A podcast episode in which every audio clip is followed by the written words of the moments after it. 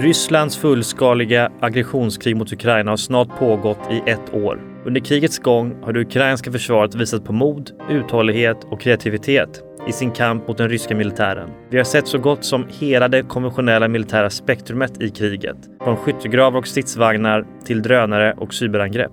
När Sverige är i processen att återuppbygga ett starkt totalförsvar vilket inbegriper både det militära och civila försvaret, finns det goda skäl att titta på Ukraina för att utforska om det finns några lärdomar som vi kan hämta från kriget. Hur kan vi omhänderta ny teknik i försvaret? Hur kan vi bygga samarbete mellan det militära och civila försvaret? Hur kan vi lära oss från den ukrainska försvarsviljan? Du lyssnar på Folk och Försvar-podden Folk och Försvar bidrar till att Sveriges säkerhet ska vara hela folkets angelägenhet. Du lyssnar på Folk och Försvar-podden och i det här avsnittet kommer vi att diskutera lärdomar för totalförsvaret från kriget i Ukraina. Jag heter Sebulon Kalander och jag är säkerhetspolitisk programansvarig hos Folk och Försvar. Med mig i vår studio i Stockholm har jag två erfarna och kunniga gäster. Per Eriksson som är forskningsledare hos FOI och Karl Isnetnieks som är generalmajor och ledamot i Krigsvetenskapsakademin. Varmt välkomna! Tack! Tack så mycket! Min första fråga till er är, kan ni beskriva hur ni bedömer krigssituationen just nu? Om du vill börja Karlis. Just nu tror jag vi kan se ett litet stando framför oss. Ukrainarna måste konsolidera sina framgångar man måste alltså återhämta förbanden, och skapa logistiska resurser för att fortsätta. Det kommer nog ta en stund.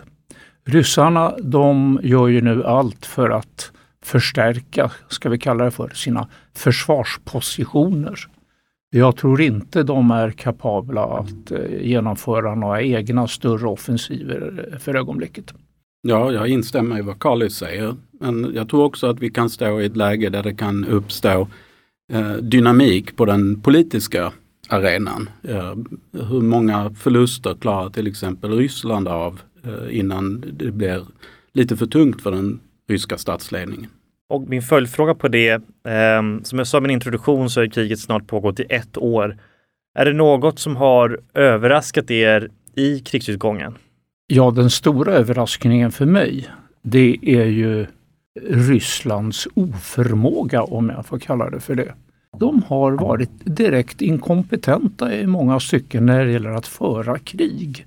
Om, och det leder ju naturligtvis till intressanta tankar. Har vi tidigare bedömt Ryssland fullständigt felaktigt som ett hot? Eller är det här resultatet av att kalla kriget tog slut? Sovjetunionen brakade samman och därmed också kallar det för deras militära system. Så att det är den för mig stora överraskningen. Den andra överraskningen, och det är en positiv överraskning, det är ju ukrainarnas eh, enastående improvisationsförmåga. Att med vapensystem från ja, jordens alla hörn kunna få ihop en fungerande försvarsmakt. Imponerande får jag säga. Per? Ja, och förmågan och enigheten som Ukraina eh, har lyckats uppbåda i det här kriget under väldigt svåra omständigheter. Sen på det civila området så ja, man kan ju dra samma, eh, eller, dra samma slutsatser där. Att det, det var nog många av oss som trodde att nu släcks Ukraina ner på olika sätt eh, morgonen den 24 februari. Men likt tusan så har ju faktiskt eh, mycket av infrastrukturen fortsatt att fungera långt in i, i, i kriget här. Uh, vilket också tyder på en oförmåga och då ska man ändå tänka att det här är ett grannland eh, som anfaller ett grannland. De har en språklig gemenskap. Det finns en betydande grupp med etniska ryssar i ukrainsk statsförvaltning. Så förutsättningarna för att kunna ställa till elände torde liksom ha varit goda i grunden. Om vi tittar på det civila försvaret, är det något, har du något exempel där Ukraina har uppvisat en god förmåga att snabbt och flexibelt kunna ställa om och anpassa sig till förändrade omständigheter? Alltså elnätet klipptes ju av. Det, det här är lite tekniskt där, men elnätet hängde ju samman med eh, det ryska elnätet i stort före. Och nu blev man först som en ö och sedan har man på ett ganska snabbt sätt börjat bygga upp förmåga att, att, eh, så att säga, hänga samman med det europeiska elnätet. Och man gjorde något försök här i oktober också eh, och koppla samman sig. Det är ganska känsligt för det, det är en massa, eh, eh ja helt enkelt att eh, vibrationerna ska vara samma i bägge näten om jag uttrycker mig väldigt eh, övergripande. Så det är ett exempel. Man har ställt om sin drivmedelsförsörjning. Man importerar numera sin mesta av sina petroleumprodukter från väst. Så det är bara några exempel. Och Karin, som vi tittar på det militära området, kan du exemplifiera där hur Ukraina har uppvisat en förmåga till flexibilitet och anpassningsbarhet? Ukrainarna har ju tillförts system, olika vapensystem eh, under det pågående krig som de inte hade tidigare. Till exempel målsökande granater till artilleriet för att nu ta ett exempel. Och att eh, kunna introducera ett sådant system under pågående krig det tyder på flexibilitet och improvisationsförmåga. Men jag skulle vilja hänga på vad Per sa om det civila också. Det Per beskrev att den civila organisationen eller civila samhället klarade av, har klarat av i Ukraina. Det var precis det vi hade förberett vårt samhälle för under kalla kriget. Vi hade till exempel som het, något som hette byggnads och reparationsberedskapen som var krigsplacerade entreprenadföretag med grävmaskiner och gud vet allt. Som snabbt kunde reparera broar, vägar, röja upp i rasmassor och vad det nu var. Det var en organisation som fanns. Elnätet, Vattenfall på den tiden, hade krigsplacerade civilpliktiga som var inkallade med värnpliktslagen alltså. För att snabbt kunna öka förmågan att reparera, reparera kraftledningar och annat. Och man blir ju lite ledsen faktiskt när man konstaterar att det vi hade är precis det nu ukrainarna försöker skapa och använda under ett pågående krig. Och våra, varför vi lyckades lägga ner det, det skapar verkligen funderingar. Mm, ja, och faktiskt jag såg här nu bara häromdagen efter att man hade befriat Kherson att Eh, jag tror en eller två dagar efter att så hade man reparerat järnvägen och det första tåget gick till Kherson. Vilket ju är ganska imponerande får man ju säga. Eh, så de har ju en väldigt god förmåga till det här. För, åtminstone i de områdena som det är prioriterat för dem. Det är ju klart att det, det här var ju väldigt viktigt för dem att kunna föra fram hur skapar man en förmåga till att kunna agera flexibelt? För det är en sak att konstatera att, att någon är flexibel, att någon är anpassningsbar. Men hur bygger man upp den förmågan i en, en stor organisation? Det finns ju flera metoder Om jag tar byggnads och reparationsberedskapen som vi hade som ett exempel. Då var företagen krigsplacerade med sin personal. Och det var för de civila företagens kompetens som man använde. Det var inte att det var några centralplanerare som hade funderat ut speciella metoder. Utan här var det entreprenadföretag med all den fantasi och, som normalt finns i ett eh, entreprenadföretag som gavs uppgifter. Det här ska ni kunna göra, det här ska ni göra. Och de löser det på bästa sätt enligt eget huvud. Alltså detaljstyrning är av ondo. Det där kan man faktiskt även föra över till Försvarsmakten att eh, framgångsrika försvarsmakter brukar tillämpa någonting som heter uppdragstaktik. Det vill säga att man definierar uppgiften som förbandet ska lösa. Men sen överlämnar man till berörda chefer att själva lösa det på, som de tycker, slugaste sätt. Så att eh, Obama kallar det för improvisationsförmåga och framåtanda och inte minst ansvarstagande bör vara en del även i det fredstida arbetet. Jag skulle säga att på, på ett mer liksom, generellt plan så vi, vi, såg ju under pandemin att vissa verksamheter klarade ju av att förändra sig väldigt mycket. Alltså vården är väl det extrema exemplet. Andra verksamheter hade mycket, mycket svårare att anpassa sig till det nya läget. Eh, och vad, vad skiljer de här åt? Ja, men en del är naturligtvis att vården är van vid att hantera kriser i ett normalläge. Det händer saker. En sjuksköterska går inte hem om det är en person som ligger döende på, på mottagningen. Man är van vid att hantera det. Men det som behövs är ju resurser. Alltså att vi har ett system där mycket av det civila samhället eh, i princip är fullplanerat i ett normalläge ger ju inga extra resurser för när någonting händer. Och de här resurserna i form av eh, värnpliktig personal var ju ett exempel på hur man kan skapa resurser. Men jag tror man måste ha resurser i det ordinarie systemet också, eller slack. Men det är också ett mindset. Att faktiskt förstå att jag har det här mandatet att utforma det själv. Men sen så tror jag också att man behöver, man behöver planera. Men Eh, som någon sa, du kan säkert säga vem det var, eh, Kallis, men alltså planering är allt och planer är inget. Men har du planerat, då har du ju koll på vilka resurser du har och då kan du föra över det till den verklighet som kommer. Och det kommer vi ju se att verkligheten kommer ju se helt annorlunda ut. Nästa kris i Sverige blir inte en pandemi. Nästa krig som eh, händer i Europa kommer inte att se ut som det i Ukraina. Jag tror det var Eisenhower va? som eh, sa det det var Eisenhower som sa det. Och om vi fortsätter med citat, Moltke den äldre sa att inga planer håller längre än till första stridskontakt med fienden.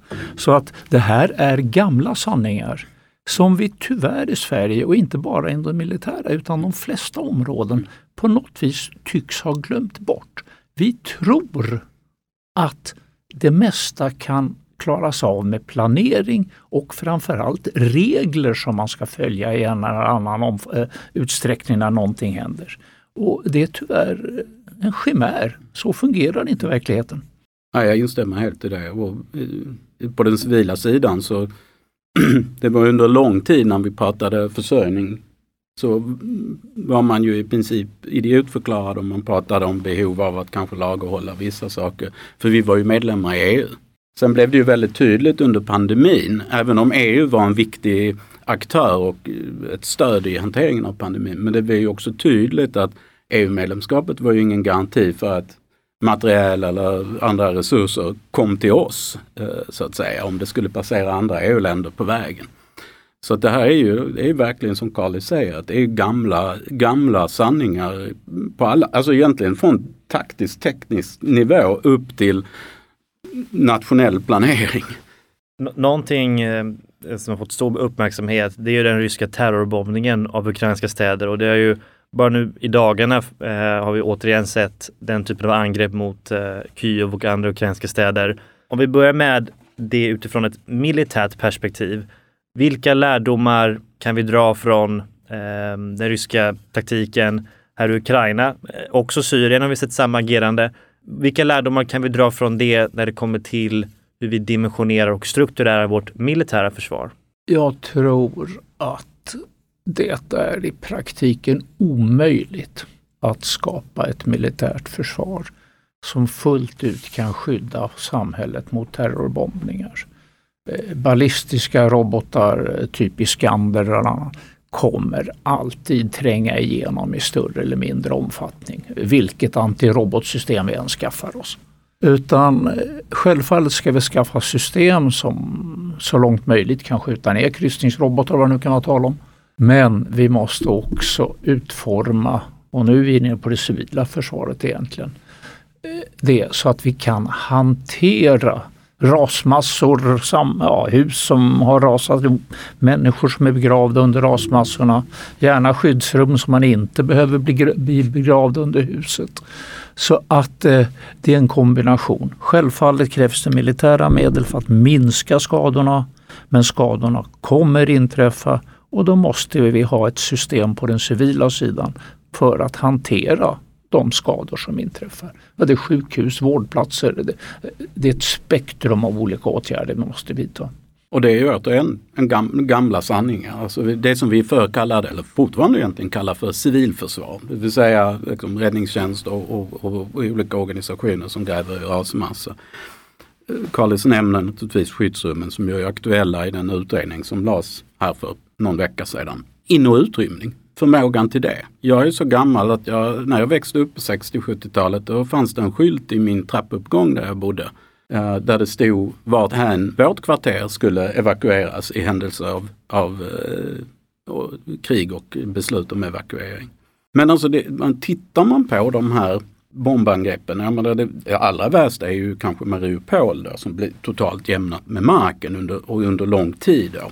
Det visar ju också att det är, det är en krigföring som vi kanske inte riktigt har sett framför oss under några decennier när det har varit väldigt mycket internationella insatser eh, där man på något sätt eh, har sett framför sig hålla nere förlustsiffror och det är liksom ganska eh, på det viset mindre av, av just de här sakerna. Men nu, nu ser vi att ja, men det är det som gäller. Röda Kors är inte ett skydd för ett sjukhus eller en ambulans. Alltså massa saker som vi på något sätt har förutsett, satt, som inte kanske gäller.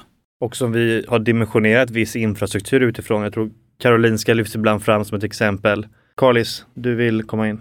Jag hänger gärna på där med Karolinska. För en sak är att vi återskapar resurser för att hantera terrorbombningar. Det vill säga vad som krävs för att ta hand om så att säga, konsekvenserna.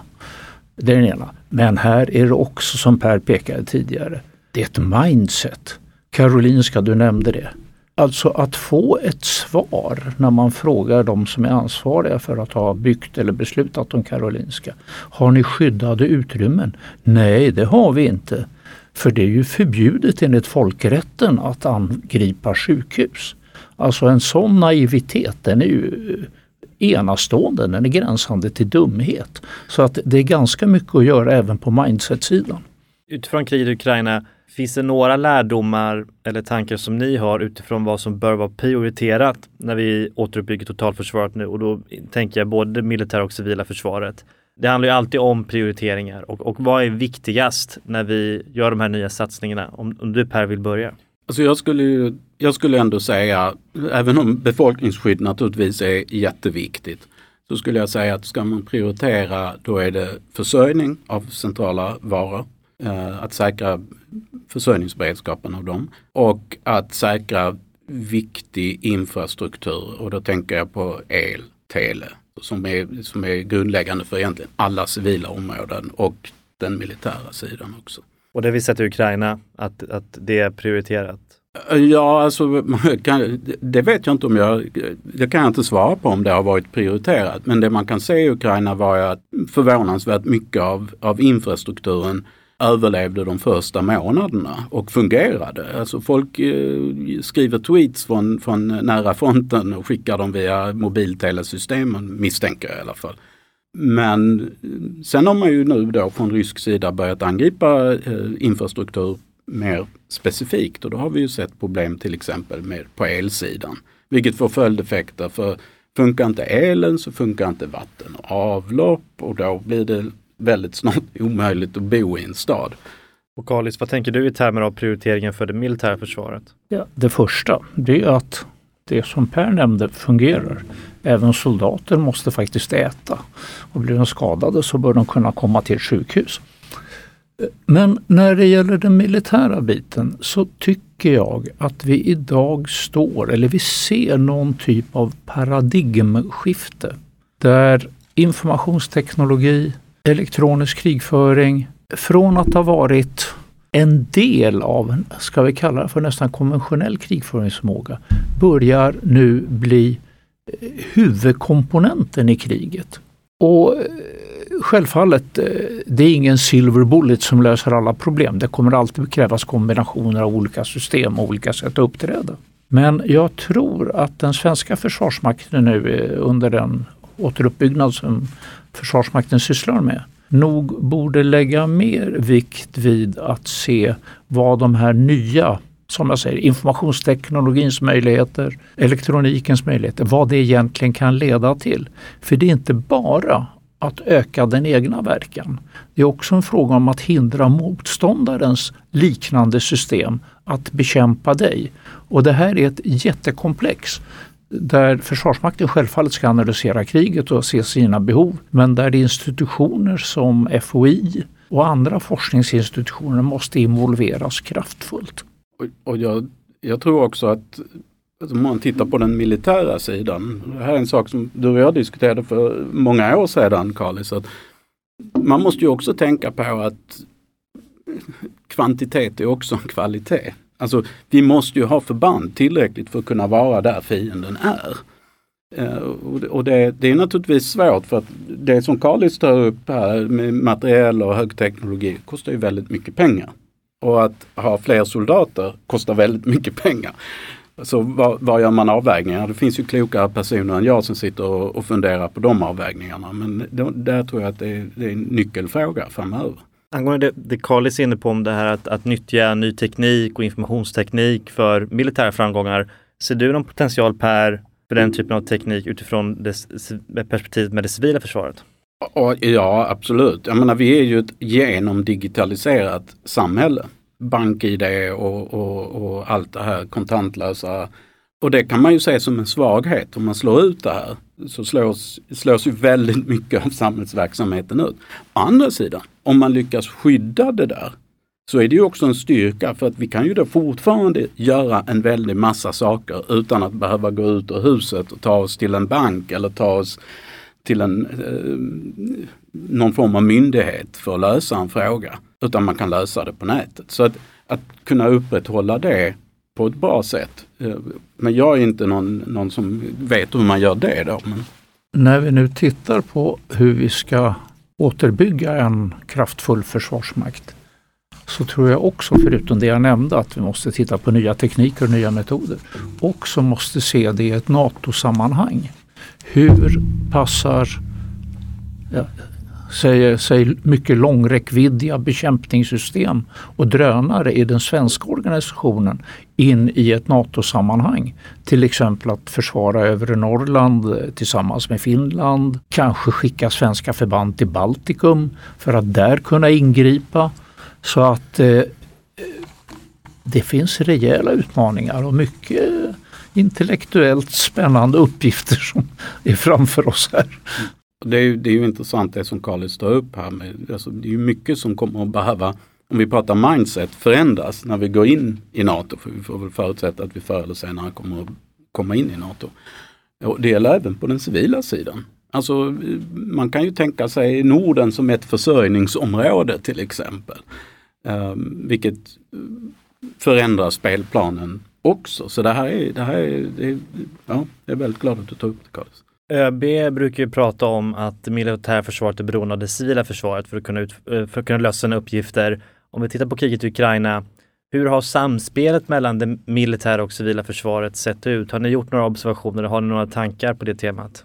Några djupa analyser har jag inte sett. Men jag bara noterade en sak i morse som jag tyckte var intressant. Cherson intogs häromdagen. Idag så rullar in konvojer med mat och andra förnödenheter in i Cherson för att befolkningen ska ha något att äta. Kanske få lite värme också. Och det är ju civilmilitär samverkan. Det är inte bara en fråga om att återerövra terräng eller städer. Utan man måste ta till, allt annat måste ju också hanteras samtidigt. Jag håller med Karlis att vi vet väldigt lite om hur, hur samspelet ser ut och det kanske också är sånt som man inte från den ukrainska sidan vill spegla utåt. Um, men man kan, ju, man kan ju konstatera bara en sån sak som med drivmedel. I våras så alltså, var det eh, kö, långa köer vid drivmedelsstationerna i Ukraina. Man fick bara tanka ett visst antal liter åt gången. Och så, uh, så är det inte längre. Och fortfarande så ser vi att den militära insatsen verkar ju ha tillräckligt med, med drivmedel för att lösa sina uppgifter. Det vill säga man lyckas ju här på något sätt från det civila samhället eller de civila delarna av samhället att försörja både befolkning och, och eh, krigsmakt med, med, med bränsle. Jag tror att det kan finnas många intressanta erfarenheter, kanske då först efter kriget som det kommer att vara möjligt att lära sig av det. Jätteintressant och någonting som jag vill avsluta med att prata om det är temat försvarsvilja som ju är centralt för ett fungerande totalförsvar.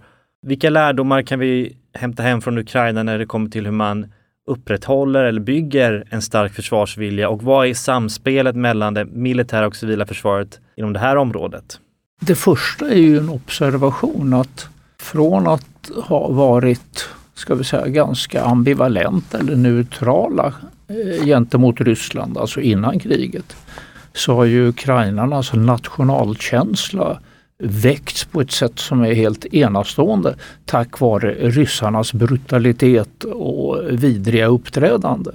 Så att egentligen så kan man ju fråga sig om det inte är ryssarna som har skapat den här mycket starka motivationen som eh, ukrainarna nu visar. Det är väl den ena biten. Men sen har vi den andra som jag också tycker är väldigt intressant ur militär synvinkel. Det är att framgång föder också motivation. Ukrainarna lyckades hejda ryssarna redan de första dagarna utanför Kiev och det var ju en eh, moralhöjare utav största dignitet för den ukrainska krigsmakten. Och det har ju bara hållit i sig. Så att eh, en vidrig motståndare och egna framgångar, det är ett ganska bra recept för att skapa försvarsvilja. Absolut. Och jag tror att vi kommer, alltså vi, när vi tittar på det civila försvaret så är vi i en situation där vi ska bygga upp det från grunden, kanske mer från grunden än det militära försvaret. Eh, och dessutom kan vi inte använda de gamla ritningarna för samhället är annorlunda och människorna är annorlunda. Vi är mycket mer individualistiska och samhället är mycket mindre eh, liksom korporativistiskt. Och vi behöver ju hitta sätt att, att liksom samla människor. Att, att, för jag tror inte att människor är mindre benägna att bidra egentligen. Men vi måste hitta nya sätt för det och där tror jag vi kan lära oss av, av Ukraina. Sen har ju Ukraina också haft en ledarfigur. Jag tänker Zelensky, om det var första eller andra dagen på kriget när han fick erbjudande om att bli evakuerad och säger jag behöver ammunition, inte lift. Alltså det, det, det tror jag också var väldigt betydelsefullt och gjorde stor skillnad jämfört med hur det såg ut 2014. Där där mycket kollapsade direkt. Där finns ju ett annat närtida exempel med Afghanistan också som brukar lyftas fram som en, en kontrast till eh, den politiska styret i Ukraina. Tack så hemskt mycket för det här intressanta samtalet om lärdomar för totalförsvaret från kriget i Ukraina. Tack så mycket Per Eriksson och Kalis Neretnieks. Och jag vill tipsa till er som lyssnar att eh, fortsätta följa Folkförsvarpodden för det kommer fler avsnitt om andra spännande frågor i närtid. Tack så mycket.